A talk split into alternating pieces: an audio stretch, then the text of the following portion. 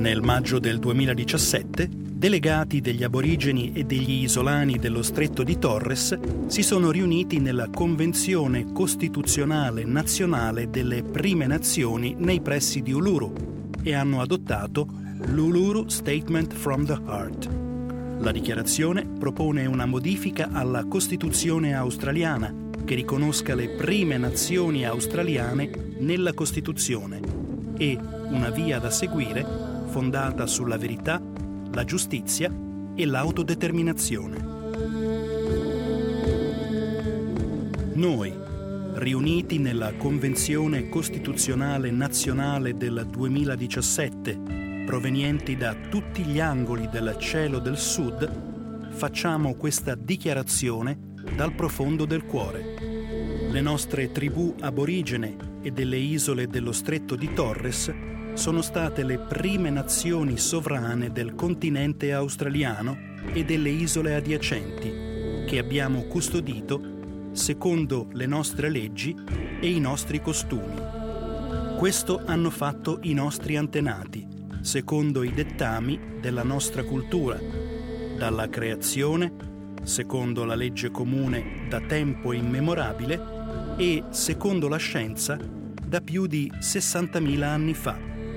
Questa sovranità è una nozione spirituale.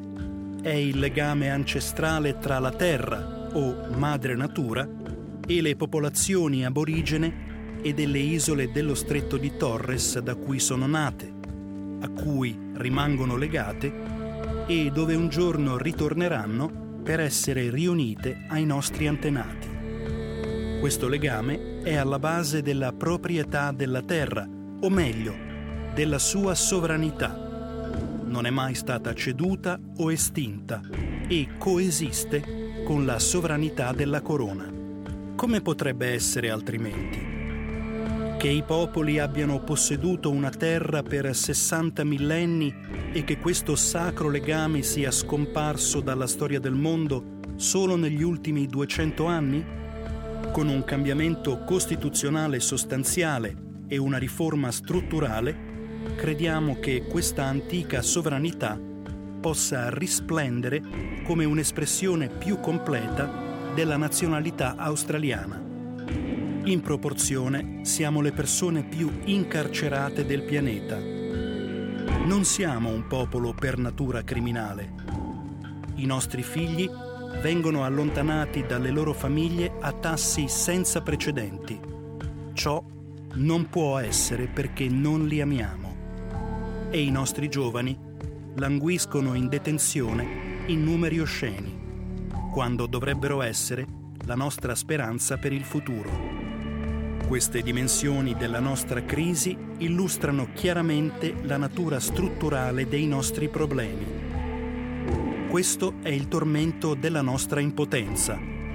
Chiediamo riforme costituzionali per responsabilizzare il nostro popolo e occupare un posto legittimo nel nostro paese.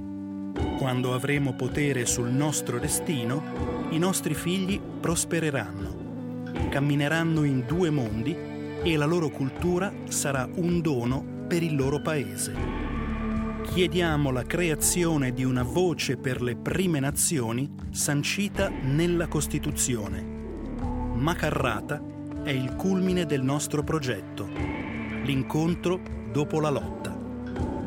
Rappresenta le nostre aspirazioni per un rapporto giusto e sincero con il popolo australiano e un futuro migliore per i nostri figli fondato sulla giustizia e sull'autodeterminazione. Chiediamo una commissione macarrata che porti ad un processo che conduca alla conclusione di accordi tra i governi e le prime nazioni e che racconti la verità sulla nostra storia. Nel 1967 siamo stati contati.